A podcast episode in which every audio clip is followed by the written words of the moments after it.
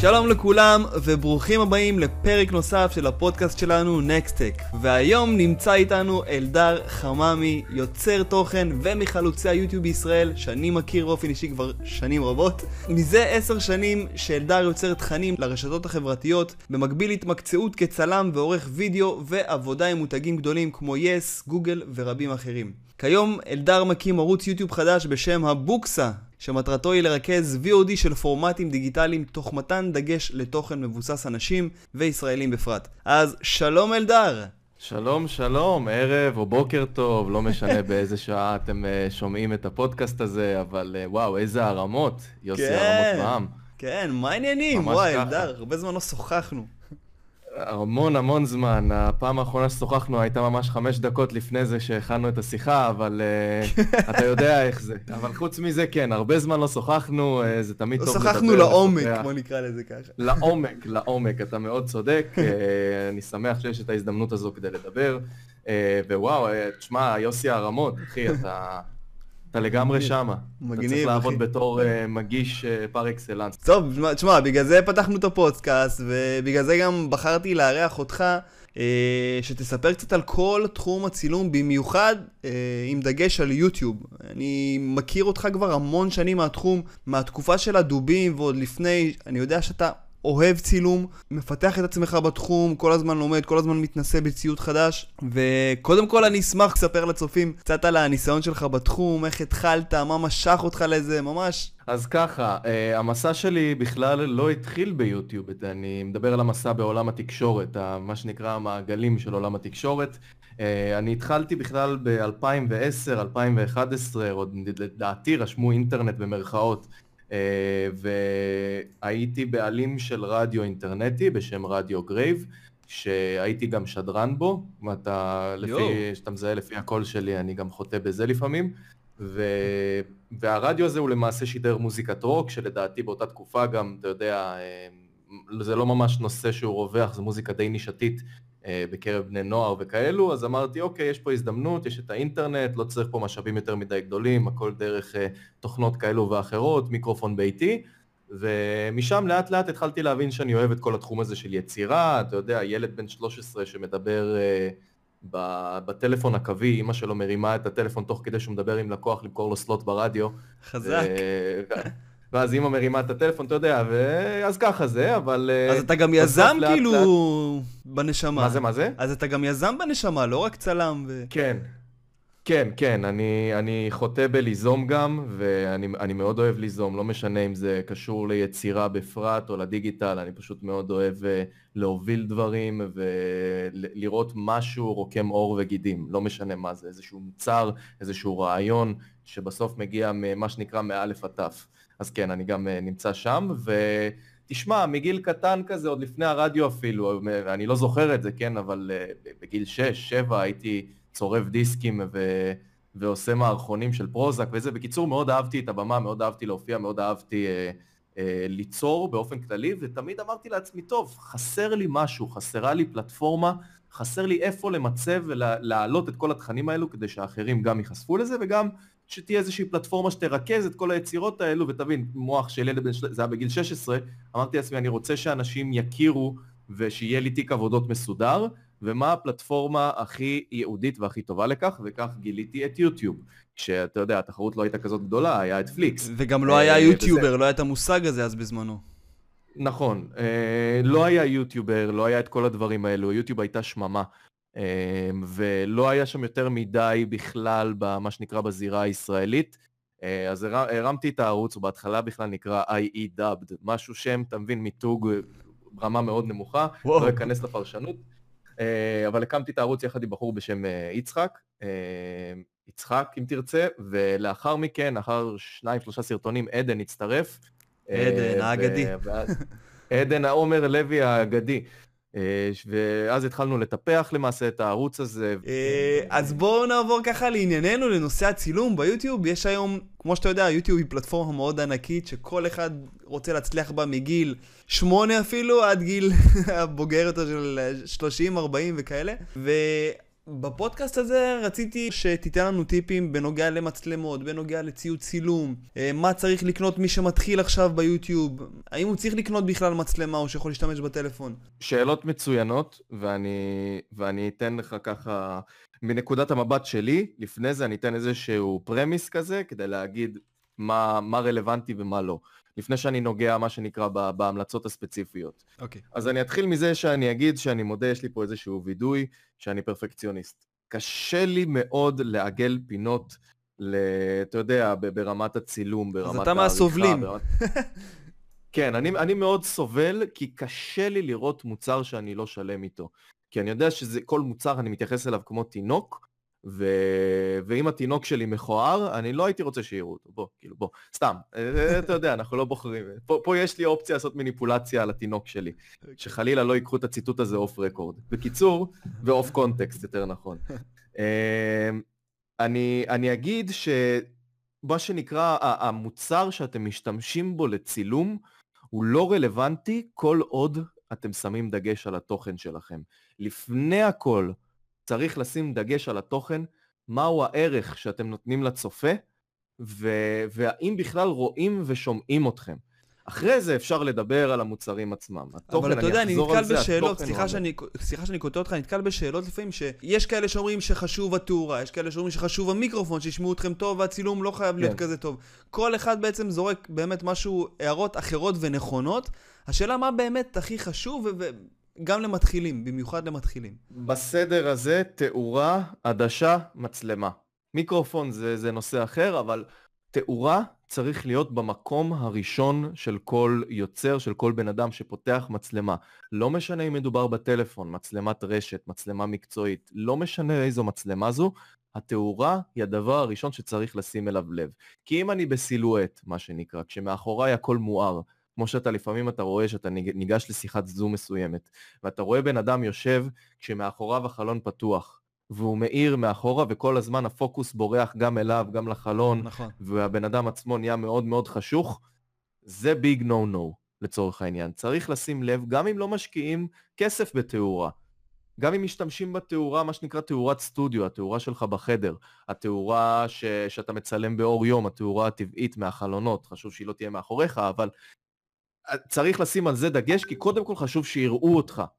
וחיישן, אני לא אכנס פה לדקויות ולעניינים טכניים, אבל חיישן, לא משנה אם זו מצלמה של אה, טלפון, רשת, זה, אה, היא מתבססת על אור, הרי ככה, ככה צילום עובד, הכל מתבסס נכון. על אור. וצריך לשים לב, דבר ראשון, אני ממליץ לכולם בחום, לקרוא טיפה על תאורה, איך תאורה עובדת, לראות איזשהו מדריך, שניים, להבין מה, מה התאורה שאתם יכולים להשקיע בכמה שקלים האלו, כי לפעמים אפשר אפילו לצלם עם טלפון או עם מצלמת רשת, כי יש היום מצלמות רשת שמצלמות 4K, אבל התאורה היא זו שתעשה את כל ההבדל המהותי לאיך שאתם נראים. עכשיו, זה גם כמובן תקף לאיך שאתם נשמעים, שזה כבר אה, נושא אחר. יוסי, אם תרצה שאני אגע בהמלצות לסאונד, אני גם אשמח. ברור. אבל תכף נגיע לזה. סבבה, אבל, אבל שוב, הדבר הראשון שצריך לשים אליו לב זה תאורה. ואם אתם החלטתם לקנות מצלמה, אז שימו לב קודם כל לאיזו עדשה אתם קונים, ואז לגשת למצלמה עצמה, לגוף, כי מצלמה מחולקת לעדשה ולגוף, אלא אם כן זו מצלמה שמה שנקרא built in. אז, אז, אז לפי מה שאני מבין, אם, אם מישהו אה, יוטיובר מתחיל שואל אותנו מה אה, כדאי לקנות מבחינת מצלמות, ציוד וכאלה, אז קודם כל, שים לב לתאורה, תתחיל עם תאורה, ותצלם עם הטלפון. כן, אפשר, אפשר, לא צריך להשתגע. תראה, לי, היה לי שיגעון של אה, מה שנקרא, אה, שהתחלתי את כל הדבר הזה, אני פריק של טכנולוגיה, אין מה לעשות. אני מאוד אוהב לבזבז כסף על ציוד, אני מרגיש כל פעם שסוני מכריזה על מצלמה חדשה, כאילו סנטה קלאוס דופק לי בדלת. אתה מבין? או מס הכנסה, לצורך העניין. ואתה יודע, זה ישר איכשהו קורץ לך, כי זה טכנולוגיה, וזה יפה, ווואו, ואיך זה נראה, וזה שובר את השוק. ו- ואתה אומר לעצמך, טוב, אולי אני אשקיע באמת את הכמה שקלים האלו. אני עשיתי מסלול שהתחיל במצלמת רשת של 240p, וזה עבר ל... ל... ל... כן, ברמה כזאת. מה היה לך ב-2012? בוא. מצלמת רשת של, של 240p, אחרי זה עברתי לאיזושהי מצלמה שהייתה זרוקה לי בשידה, אתה יודע, מצלמה דיגיטלית ישנה ש, שאתה מדליק אותה ואז העדשה כזה יוצאת, ואחרי זה עברתי לאיזושהי מסרטה חמודה, ואז קניתי את הקנון 70D, ואז קניתי את ה-A6300. האגדית, האגדית, 70D, תקשיב, אין, אני זוכר, מה, לפני חמש שנים זה היה? אין אחד שלא היה ממליץ עליה, באמת, אולי גם היום אפילו משתמשים בהם, אם אני לא טועה, כאילו. אז זהו, החלופה של ה-70D היא ה-80D דווקא. כי ל-80D יש יכולות טובות יותר מה-70D, למעשה ממשיכת דרכה, והיא זו שממליצים עליה אה, בכל מה שקשור למצלמת רפלקס. עכשיו, אגב, אחרי ה-70D, אה, נכון, אתה צודק במה שאתה אומר, זאת הייתה מצלמת קונצנזוס לכל יוטיובר מתחיל, אה, ואז סוני באו, שברו את השוק, הביאו את ה-A6300, את המצלמות קרופ מירורלס שלהם, ואז התחדשתי ב-A7S2, ואז קניתי את ה-A73, אה, ויש גם את ה-S3 בחוץ שהיא טונות של כסף, אבל זה כבר אני אומר לאנשים שמש... שמתייחסים ליוטיוב כתחביב וצילום זה המקצוע הראשי שלהם. הערת צד ברשותך יוסי. כן. אה, כל בן אדם, לדעתי, שמשתמש ביוטיוב, צריך להסתכל על זה לא כדרך חיים, לא כמקור פרנסה בלעדי, אלא כדרך, כאופציה, כארגז כלים להבין רשתות חברתיות וכדרך להתמקצע בעריכה ובצילום ובסאונד ובתאורה. כי אני מניח שאם הגעתם למצב שאתם רוצים להעלות תכנים ליוטיוב, אז יש לכם איזושהי זיקה לכל העולם הזה הטכנולוגי וזה, ואפשר לפתח מזה איזושהי קריירה או עסק. אז זו הזדמנות מצוינת למה שנקרא לרכוש לעצמכם ארגז כלים מקצועי, כי מה תעשו ביום שיוטיוב יחליטו, מה שנקרא, ל... לקצור את זה, לחתוך את הכבל שמזין את יוטיוב? מה תעשו? לא תהיה את הפלטפורמה, התכנים שלכם פשוט ילכו פייפן. נכון, אתה צודק וחשוב... לגמרי, אבל, אבל אני חייב להגיד גם שעולם ה livestream, התחום של ה livestream שינה את זה. כי היום באמת לא צריך את כל העריכות והדברים האלה. אנשים עושים לייבים, אחרי זה חותכים מזה משהו, עושים איזה סרטון, ואו, או שעושים לייבים יומיים, ואז בעצם גם מתפרנסים מהלייבים האלה, מתרומות, מחסויות, מהפרסומות גם שרצים תוך כדי, למרות שעם פרסומות לא עושים כל כך הרבה כסף, אבל זה, זה קצת שינה את זה. זה. זה נכון מאוד מה שאתה אומר, אבל זה קצת שינה את זה. גם אני התייחסתי ועדיין מתייחס ליוטיוב כגיליון עבודות שלי, וכדי לפתח את כל היכולות בתחומים האלה של הצילום, של העריכה וכאלה. אין בעיה, אני מבין את מה שאתה אומר בנוגע ללייבסטרים, ותמיד תהיה איזושהי זיקה, יקפוץ איזשהו משהו, יוטיוב יביאו איזה מודל עסקי כלכלי חדש, שיגרום לך להתקבע רק בזה ולהיות מה שנקרא יוצר תוכן במשרה מלאה. אבל זה לא אמור למנוע ממך לשכוח את העובדה שהכל בר כיבוי בשלטר. אפשר להתפרנס. נכון מתרומות בלייבסטרים, ואפשר להפוך את החיים לקלים, אבל תאתגרו את עצמכם, ותלמדו לערוך, ותלמדו את הכלים שיש גם בחינם לצפייה במדריכים ביוטיוב, וגם שיש לאדובי למשל להציע, ולהתחיל להתמקצע בזה, כי זה באמת שוק שבמידה ואתה באמת טוב בו ויודע לספר סיפור ושם דגש על ערך לצופים, השמיים הם הגבול. אתה חוסך לעצמך המון, אתה תוכל לעבוד ולשפר את עצמך מול עסקים, מול מותגים, אה, אה, וזה בסדר שאתה יודע מה עובד, אבל תאתגר את עצמך, או תאתגרי. אה, נכון. מרב מיכאלי פה נכנסה לי בדברים.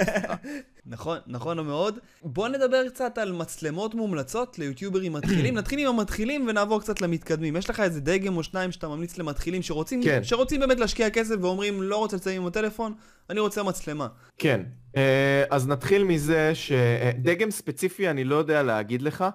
אה, של מצלמת רשת, אני לא זוכר, לדעתי זה של לוג'יטק, אבל כל מצלמת רשת שמצלמת 1080p או 4K היא מצלמה שתוכל לעבוד לכם כמצלמה בפני עצמה, בעיקר בעידן של הזום, שהמצלמה הזו יכולה וצריכה לתפקד אה, בפגישות אונליין שלכם.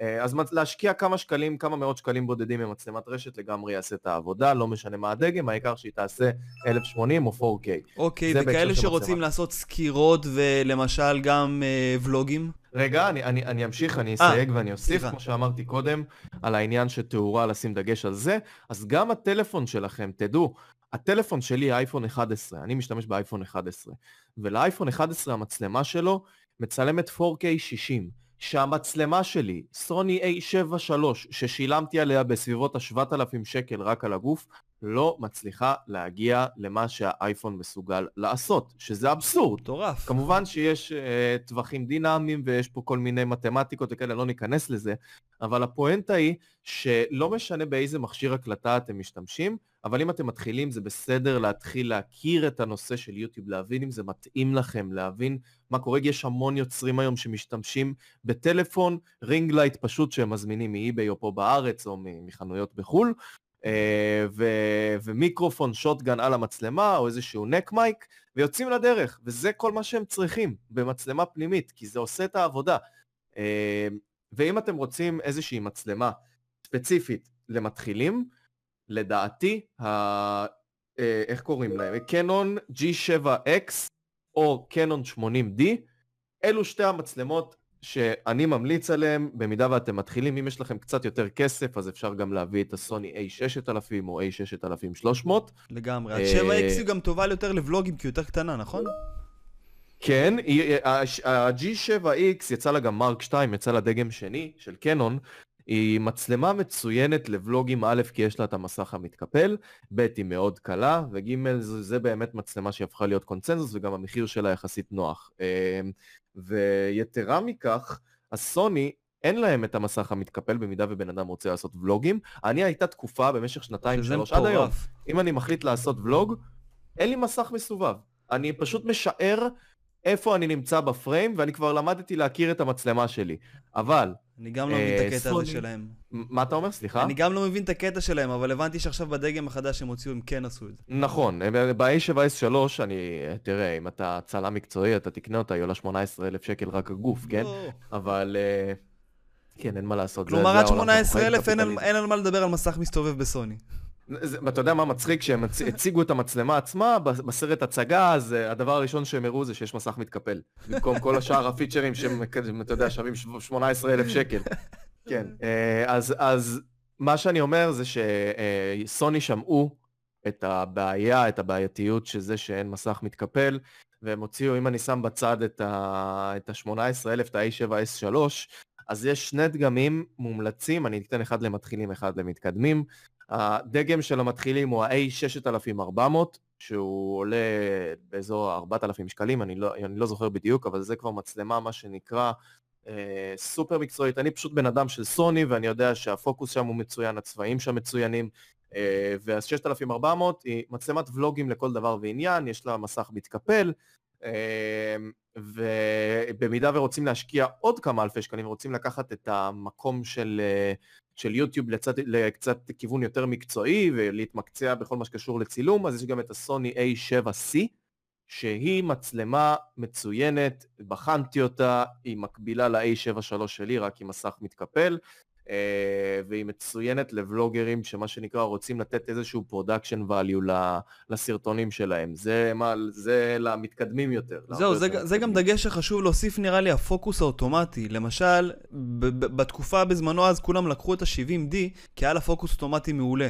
אני נפלתי עם פנסוניק GH4 שהפוקוס האוטומטי על הפנים באמת, ברמה של... אני לא יכול לסבול ולעבוד עם פוקוס אוטומטי שם, אני עושה את הכל עם פוקוס ידני, כי אני לא עושה ולוגים, אז ככה זה שזה מסתדר לי. אבל חשוב מאוד שתבדקו את הפוקוס האוטומטי, במידה ואתם עושים ולוגים, זה חשוב מאוד. נכון, אה, במידה ואתם גם תצלמים את עצמכם, כי אין לכם עוד בן אדם שיבדוק אם אתם בפוקוס. וכמו שאמרת, כן, פנסוניק GH4, GH5, GH5S, יש להם בעיות פוקוס מאוד קשות, מאוד קשות מבחינת פוקוס אוטומטי, זו מצלמה שיש לה קרופ של 2, שאם אתם שמים עדשה שהיא בקוטר 10 מילימטר, זה אומר שאתם בעצם מצלמים על 20. בקיצור, במידה ואתם יוטיוברים, שזה, להימנע פשוט מפנסוניק לדעתי, כי יש פתרונות הרבה יותר זולים, הרבה יותר uh, נוחים ליוטיוברים. נכון, ה-70D, אני אגיד לך את האמת, הפוקוס האוטומטי שלה היה חצי כוח, אבל ה-80D מכפרת על זה בטירוף. אבל ו... בזמנו ה-70D ו... נתנה את המענה של הפוקוס אוטומטי הכי טוב לעומת כל השאר שהיה בשוק.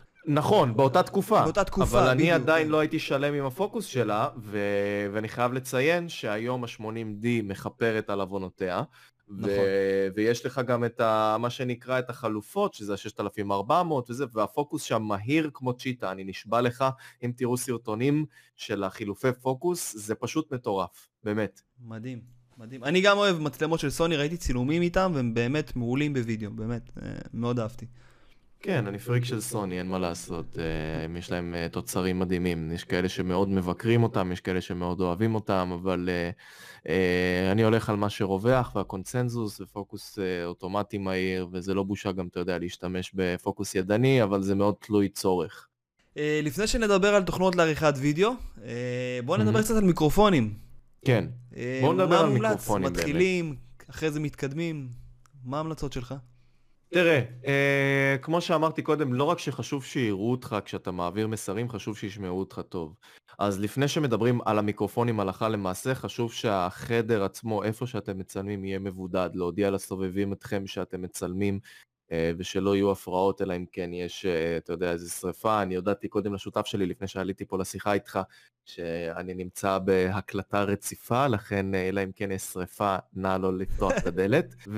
ואז ההמלצה שלי, א', באמת לשים לב למרחב, לסביבה, לשים לב שאין איזה שהן הפרעות בלתי צפויות.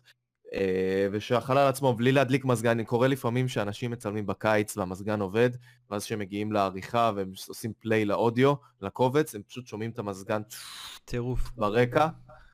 להימנע, תזיעו, תעשו טאצ'אפ, אבל מזגן קשה מאוד להעלים. אה, אז זה בהקשר הזה של לשים לב לסביבה. ובהקשר של אה, אודיו, של המלצות למוצרים ספציפיים, אז אני חושב ש... אם, אם תוקפים את זה משתי נישות, אז יש נק מייק ויש שוטגן. במיקרופון שוטגן יש המלצה לצורך העניין אה, של אה, של מיקרופון שוטגן, אם אנחנו מדברים על אייפון, אה, או, מצל... או כלשהי איזשהו מ... אה, סמארטפון שמצלמים איתו, אז יש מיקרופון שוטגן, שמיקרופון שוטגן אומר שלאיפה שאתה מכוון את המיקרופון, לשם ישמעו. כלומר, אם אני נמצא מאחורי המיקרופון, ישמעו אותי ממש חלש, לעומת אם הוא מכוון אליי. שוטגן כשמו כן הוא. אבל תקן ו... אותי אם אני טועה, לרוב שוטגן צריך למקם אותו קרוב לפה. ככה שאם המצלמה נמצאת רחוק, אתה צריך איזשהו מקל לשים אותו עליו, יש בעצם מוטות כאלה מיוחדים, נכון?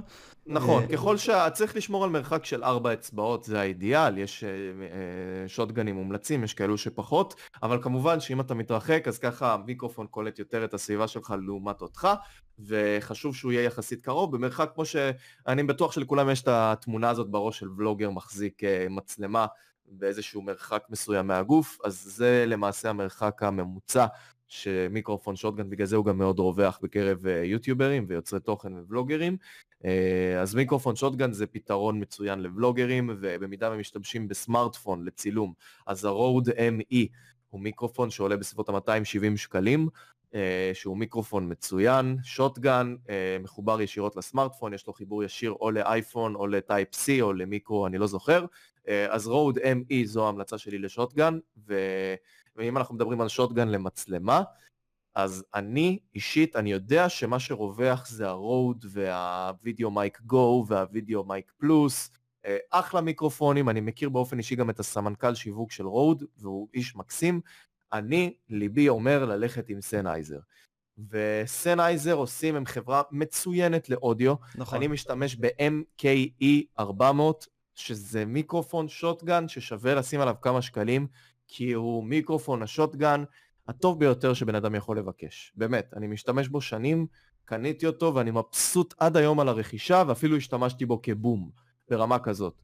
וואו. אה, אז זו ההמלצה שלי לשוטגן, ויש עוד מיקרופון, עוד סגנון, שנקרא נק, שזה המיקרופון שאנחנו מכירים, כמו שיש ליונית לוי על החליפה, שהיא נמצאת בחדשות, אה, וכשמו כן הוא, neck, צוואר, אה, שממוקם שם עם קליפס, ו...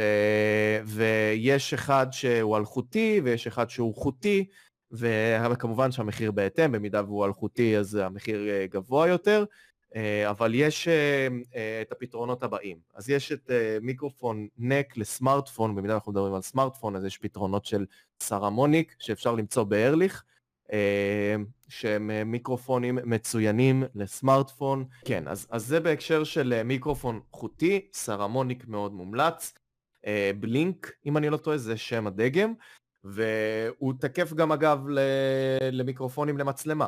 Saramonic Blink 500 הוא משדר, neck mic עובד, אם אני מדבר רגע על אלחוטי, אז neck mic עובד בצורה של אה, אה, משדר ומקלט,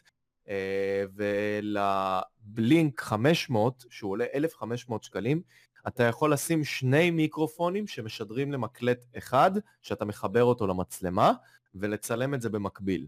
כלומר, אתה לא צריך התעסקות אה, חיצונית וכאלו, אז אם ירצה לך לראיין אנשים, אם, אם הערוץ שלך מתעסק בפודקאסטים, הערוץ שלך מתעסק ב, בראיונות, שאתה מארח מישהו בערוץ שלך, זה מיקרופון שכרגע בעיניי שובר את השוק, גם ברמת המחיר שלו, Saramonic Blink 500 Pro משהו, אה, גם מבחינת המחיר שלו, גם מבחינת האיכות סאונד שלו, הטווח שהוא מגיע ברמת האלחוטיות, אה, ומה שנקרא הצד המאוד טוב שהוא נותן לך לא לפצל את מקורות האודיו שלך, את הכניסות, אלא שני מיקרופונים מתנגזים למקום אחד ישירות מוקלט למצלמה, בלי התעסקות חיצונית של מקלטים מעולה, וכולי. מעולה, אחלה פתרון. אה, מה זה? אם זה מעולה, זה אחלה פתרון.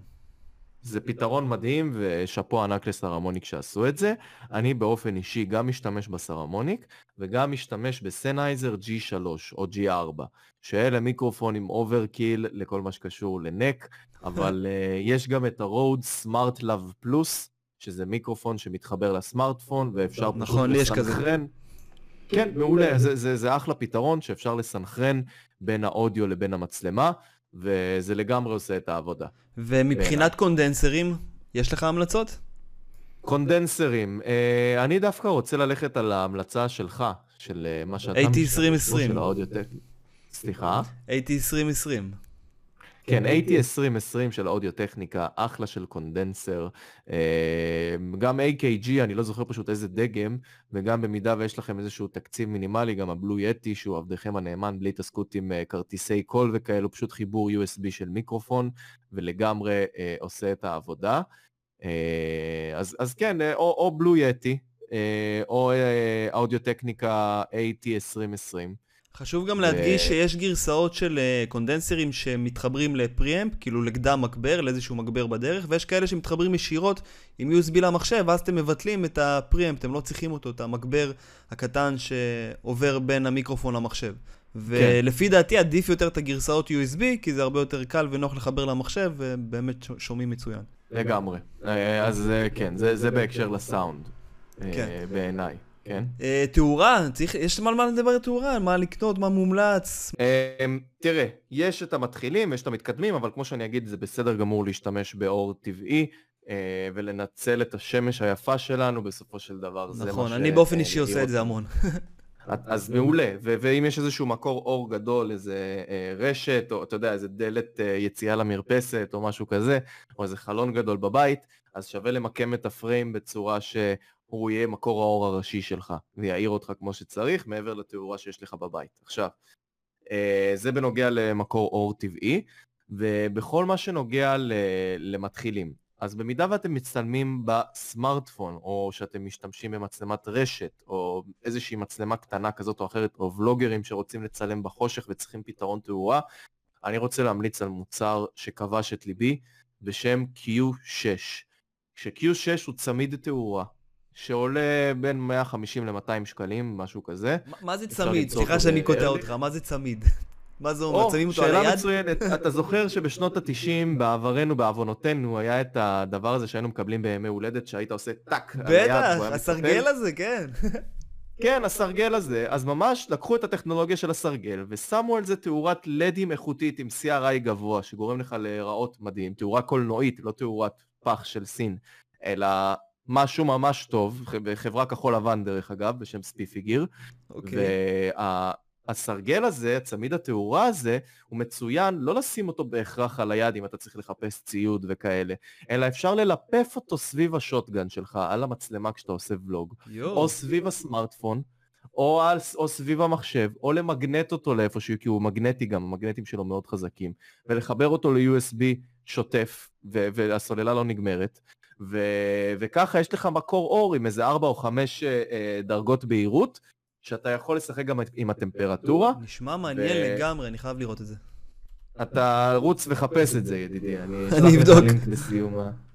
אני רץ, אה, אז בהקשר הזה אני חושב שזה משהו שהוא must לכל יוצר תוכן בישראל או בכללי, כי זה משהו מהפכני שאני התחברתי אליו, ואני מסתובב עם ארבעה כאלו ברמה כזאת. יו. והדבר הזה הוא מצוין אם אתה צריך להשלים אור, לפתוח קצת צללים. אם אתה מצלם בחושך ואתה צריך מקור אור קטן, אם אתה בשיחת זום אפילו ברמה כזאת ואתה צריך להעיר את עצמך, או בוואטסאפ רגע משפחתי, בווידאו, זה מקור אור שהוא מדהים. כתאורה למצלמות קטנות וכאלו. אז זה בהקשר לבלוגים וכאלה, זה, זה התאורה המושלמת לבלוגים, היא חוסכת לך למעשה מקום על המצלמה, כי אתה מבריג כבר את המיקרופון, וכל פעם אתה צריך להתעסק עם איך אני מבריג עוד פאנל כזה מסורבל, אתה יודע, הפאנלים לדים הקטנים האלה, איך אני שם, איך אני פה, איך אני שם, זה חוסך לך מקום על המצלמה, אתה פשוט מלפף סביב המיקרופון. שזה מדהים, בעיניי. מזל ששאלתי אותך, נשמע באמת טוב. אה, אז זה בהקשר, זה, זה נקרא Q6, אני אגיד שוב, Q6, אה, וזה על התאורה הזאת, ובכל מה שקשור לתאורה קצת יותר גדולה וקצת יותר מקצועית, אז יש Aputure ויש Godox, אה, VL 400 של Viltrox אפילו, או שיש את Aputure MC, אה, או שיש את... אה, מה עוד מעניין פה? מה עוד מעניין פה? תגיד, ואם אני קונה אה, סופטים, אני מכוון אותם אליי לפנים, או שאני מכוון לחדר, לקירות, ואז זה מאיר באופן, כאילו, את החדר? אתה צריך לכוון את התאורה, זווית עליונה, להעלות אותה על עמוד תאורה, לכופף אותה בזווית של 40, ו... סליחה, לשים אותה בזווית של 45 מעלות אליך, ובהטייה כלפי מטה, להעיר אותך. ככל שמקור האור גדול יותר, ב-45 מעלות, יש המון מדריכים ביוטיוב על הדבר הזה, זה על רגל אחת וקשה להסביר את זה במדיום אה, אה, שמבוסס אודיו. נכון. אבל אני ממליץ לכולם לצפות במדריכים של תאורה 101, מה שנקרא, וללמוד איך מתעסקים ואיך לעזאזל העולם הזה עובד, כי אנשים לא מדברים מספיק על תאורה, והמלצות על מצלמות וכאלה זה נחמד, זה מצוין, אבל צריך לזכור שפריים שמואר יפה זה פריים שרואים אתכם ורואים ששמתם דגש על תאורה, זה מהותי, זה משמעותי, זה נותן את כל הנשמה והלב של הסרטון שלכם. מעולה, מעולה. אז לפני שנסיים, בואו נעבור בקצרה על תוכנות לעריכת וידאו. מה הכי מומלץ היום? ברור שתגיד Premiere. אני באופן אישי לא עובד עם Premiere, דרך אגב, ואנשים מתפלאים עליי איך אני לא עובד עם Premiere. אחרי זה אני אגיד עם מה אני משתמש. אבל מה, מה אתה ממליץ ליוטיובר המתחיל? עם מה לערוך את הסרטונים שלו? תראה, אה, אני, מה, מה, התחלתי אני עם, איך קוראים לזה? עם אה, Windows Movie Maker, אבל... אה, נכון, ואחרי זה Vegas. אני, אני, כן, אני מאוד מאוד מהר עברתי ל Adobe, כי זו תוכנה שהיא עם חוויית משתמש מאוד נוחה, יש לה עשרות מדריכים גם בעברית וגם באנגלית, אה, לכל בן אדם מתחיל, וצריך לזכור שיש לדעת תוכנה ויש לדעת לערוך. וכשנוגעים בעריכה, אז צריך לשים לב לתוכן ולהכיר כמובן את התוכנה, אבל צריך לשים לב לאיך אתם עורכים, מה אתם עורכים, איזה טייק אתם בוחרים, שמעביר את המסר שאתם רוצים להעביר בצורה הטובה ביותר. ואם אתם מדברים על תוכנת עריכה, אז כן, ההמלצה שלי היא חד וחלק פרמייר.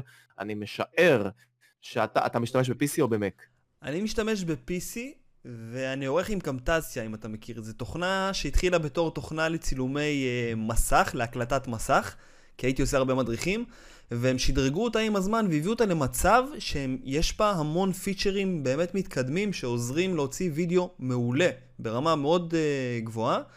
אה, מה שעוד עצבן אותי ב Premiere זה שהם דורשים תשלום חודשי וכאן אני משלם חד פעמי פעם בשנה, כמובן שיש כל שנה איזשהו עדכון שאני מוסיף עליו כסף, אבל כאילו התשלום הוא חד פעמי שנתי. שב Premiere אתה צריך חודשי, נכון? או שנתי שזה עושה לך טיפה הנחה על החודשי. אני לא יודע לגבי שנתי ב Premiere, אני משלם חודשי על הרישיון. אני בפעם ראשונה שומע על תוכנת העריכה שעכשיו העלית על הפרק, אני מודה ומתוודה, הייתי בטוח שאתה הולך להגיד לי שאתה עורך על... כן, הייתי בטוח שאתה הולך להגיד לי שאתה עורך על דה וינצ'י, אבל שוטטי. המלצתי עליה בתור אה, תוכנה חינמית מעולה, אבל אני לא עורך עליה. זו זכותך המלאה. אז, אז, אז האם אתה מתייחס למודל העסקי כפקטור לבחור תוכנת עריכה? אני, אני לא הייתי מסתכל על זה ככה. אני חושב שכל תוכנה או כל חברה שתבחר את המודל העסקי שלה, שיהיה לה בכיף, ואני לא חושב שדובי ימנעו ממך לשלם להם שנתי מראש, להפך, הם יחבקו אותך ויפתחו, ויפרסו ויפתחו בפניך את הדלת, מה שנקרא, אה, אבל שזה לא יהווה איזשהו פקטור לבחירה שלך לאיזו תוכנת עריכה לעבוד עליה, אבל כן, רצוי ומומלץ להשתמש בתוכנות Adobe עם האינטגרציה ביניהן, בין אפטר אפקטס לפוטושופ, לאילוסטרייטור, לפרימייר פרו, לאקרובט שהוא בסיסי לפתיחת מסמכי PDF. בקיצור, לא חסרים, לא חסרות אופציות בתוך Adobe ליצירתיות שלכם, ואני מאוד ממליץ להתחיל עם Premiere. אוקיי, זה, זה, זה, זה בתשלום, אבל מבחינת תוכנות חינמיות, אני הייתי הולך על דה וינצ'י למרות שהיא מורכבת, כן. אבל באמת הייתי ממליץ ללמוד עליה, כי יש לה באמת המון פיצ'רים והיא חינמית. תראה, דה וינצ'י הפך להיות באמת קונצנזוס ברמה של עורכי וידאו, אני רואה המון ושומע על המון מקרים של מעברים בין Premiere ל DaVinci, אבל בשורה התחתונה נכון, אם בן אדם מתחיל והוא רוצה להתמקצע, השוק הולך לשם, שווה לתת לזה צ'אנס. פעם לא הייתי ממליץ על זה, גם בעיקר כי פעם זה לא היה קיים עד לא מזמן, אבל שווה להוריד, שווה לנסות, שווה להתנסות.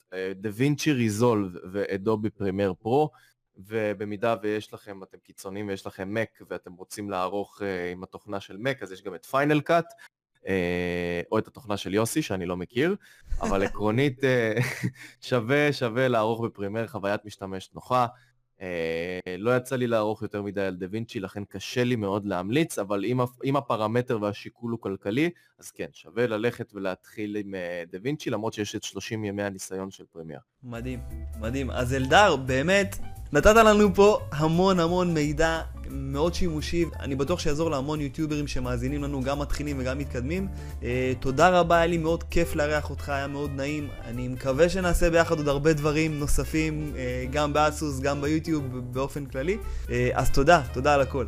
ממש ממש תודה, היה לי התענוג להתארח פה ואני מקווה לראות אותך כשכבר בוקסה, הבוקסה, הערוץ ירקום עור וגידים ושכל מי ששומע את זה עכשיו גם יגיע לצפות להתרשם. אז זהו חברים, עד כאן הפעם הפרק השמיני של נקסטק, אני מקווה שנהניתם מאוד ולמדתם עוד כמה דברים חדשים על עולם הצילום. אז תודה רבה לכולם ונתראה בפרק הבא.